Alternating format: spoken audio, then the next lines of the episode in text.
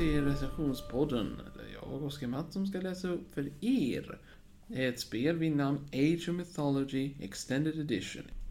Varför det heter det är därför att det innehåller inte bara standardspelet och dess expansion, utan också bonustillägg som var bortklippt eftersom de användes som preview-avsnitt eller eventuella små klipp som du kunde träffa på i spelet som de inte var färdiga med. Skaparna lade då med till expansionen The Titans. Det, det lilla extra preview-avsnittet vid namn Golden Gift Campaign. Och har också uppdaterat grafiken. Men det finns mer än bara detta. Om, om du nu tänker efter så var det guldpaket som innehöll både Titan och standardspelet. Men nu slår de till allt detta med också en expansion, ny expansion vid namn, ja, Tale of the Dragon. Till the Dragon är en otrolig berättelse i Kina, vilket gör fem stycken faktioner att välja på, med tre Pantheon-gudar att välja på. Dessa Pantheon-gudar betyder också att det finns mer alternativ. Ni kan spela som till exempel en gud, men ha tre olika uppbyggnader på hur ni väljer att spela genom fyra epokrar. Wow. I alla fall, skaparna till detta spelet var Skybox Labs och Ensemble Studios. Eller ja, snarare, det var de som började spelet Ja. Men med tiden så ändrades alltihopa. Och Ensemble Studios gick i konkurs, som vi alla vet. Sorgligt nog. Skybox fortsatte med att försöka få in Microsoft Studios att snälla, snälla låt oss göra ett förbättrad version. Microsoft sa då många gånger nej. Ända tills en dag när de sa okej, okay, ni får en chans.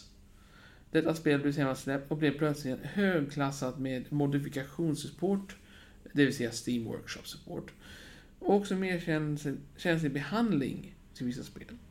Dock så ändrades detta med eftersom att det blev lite förändringar med eventuella för, förbättringar. När Tale of the Dragon släpptes så blev det instabil förändring. Det vill säga att, ja, många brukar säga en expansion kan vara bättre. Men i alla fall blir det sämre misconnection-system.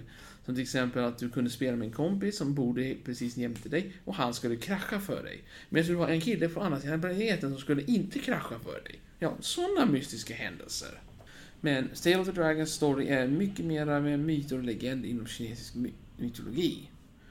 Ja, ni kanske undrar varför eh, jag säger mytologi? Jo, det är för hela spelet bygger på detta. Basspelet bygger på de tre olika faktionerna Norge, eh, Grekland och Egypten. Dessa tre olika faktioner hade såklart tre olika val.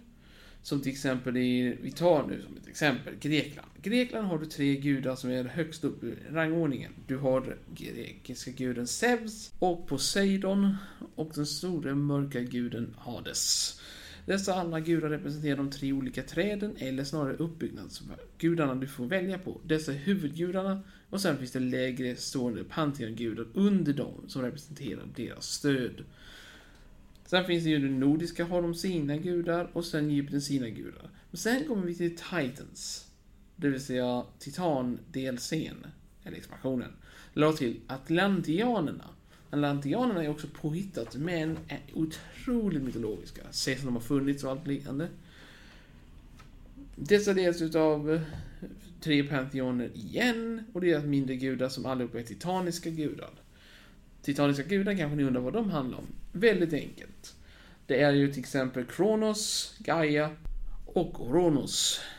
Alla dessa är stora titaner som alla representerade början på gudarnas enas liv. Det vill säga i grekisk mytologi så sägs det att Oronos var fadern och Gaia modern till alla gudar. Kronos var den förstfödde, den stora titanen själv. Efter honom föddes flera titaner och gudarna Zeus, Poseidon och Hades. Dessa i sin tur startade hela Pantheonsystemet i grekisk mytologi. Det är mytologiska under och det är mytologiska historier. Men i alla fall, vi fortsätter med de andra berättelserna om de andra gudarna någon annan gång. Eller, ja, ni kan söka upp själva till exempel. Vikingagudarna är också delade i tre. Uh, egyptiska gudarna delade i tre. Och kinesiska också delade i tre. Men det är också mindre gudar under dem. Vilket gör det otroligt mycket alternativ. Eh, vi kan ta som ett exempel med den logiska guden Zeus. I Zeus fall så får du tre stycken val. Varje gud i sin tur efter honom får välja mellan två val. Det vill säga att du kan ha upp till sex stycken gudar under Zeus. Dessa i sin tur ger dig olika hjältar, olika specialenheter och liknande för RTS-stilen av spelet. RTS-systemet är enkelt. Du bygger småstäder, du bygger byar, du bygger soldater, du erövrar nya landsplatser, du bygger mer städer, du slåss mot en annan fiende, du samlar ihop favor med vilken gud du än har på olika sätt. Det förklaras genom kampanjet också hur du gör.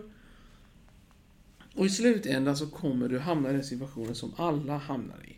Du kommer klara av spelet och undra när kommer nästa? Vilket är svaret att jag kan inte ge än. Eftersom att jag har hört nyligen dock att de håller på med Age of Mythology 2. Vilket är en myt än så länge. Oh boy, vilken komedi. En mytologiskt under i ett spelformat. Men det vet jag ju inte exakt vad det kommer handla om eftersom att jag vet bara att det kanske kommer en uppdatering utav Age of Mythology eller en ny uppdaterad version helt och hållet med en helt ny story. Nog om det, men nu ska vi gå vidare till en mer viktigare punkter om Age of Mythology. Jag önskar att det kunde bli fixat bättre, men det finns också negativa och positiva punkter med det. Det funkar, det funkar, då funkar det. Funkar det inte, ja då har du problem som antagligen kan lösas genom modifikationer, tack och lov för det. Vi, folket som håller på med modifikationer, eller mods, till, till spelen, jag säger bara en sak. Jag tappar min hatt och säger tack så mycket för era fix. Till de andra som gnäller på detta säger jag också, ta det lugnt. Det finns nog någon som har försökt fixa problemet. Men eh, till nästa vecka kommer vi fortsätta med en ny spelserie eftersom detta är sista delen i typ Age of-serien. Men vi kommer kanske fortsätta med ja, ett annat spel. Ta reda på det nästa vecka. Hejdå!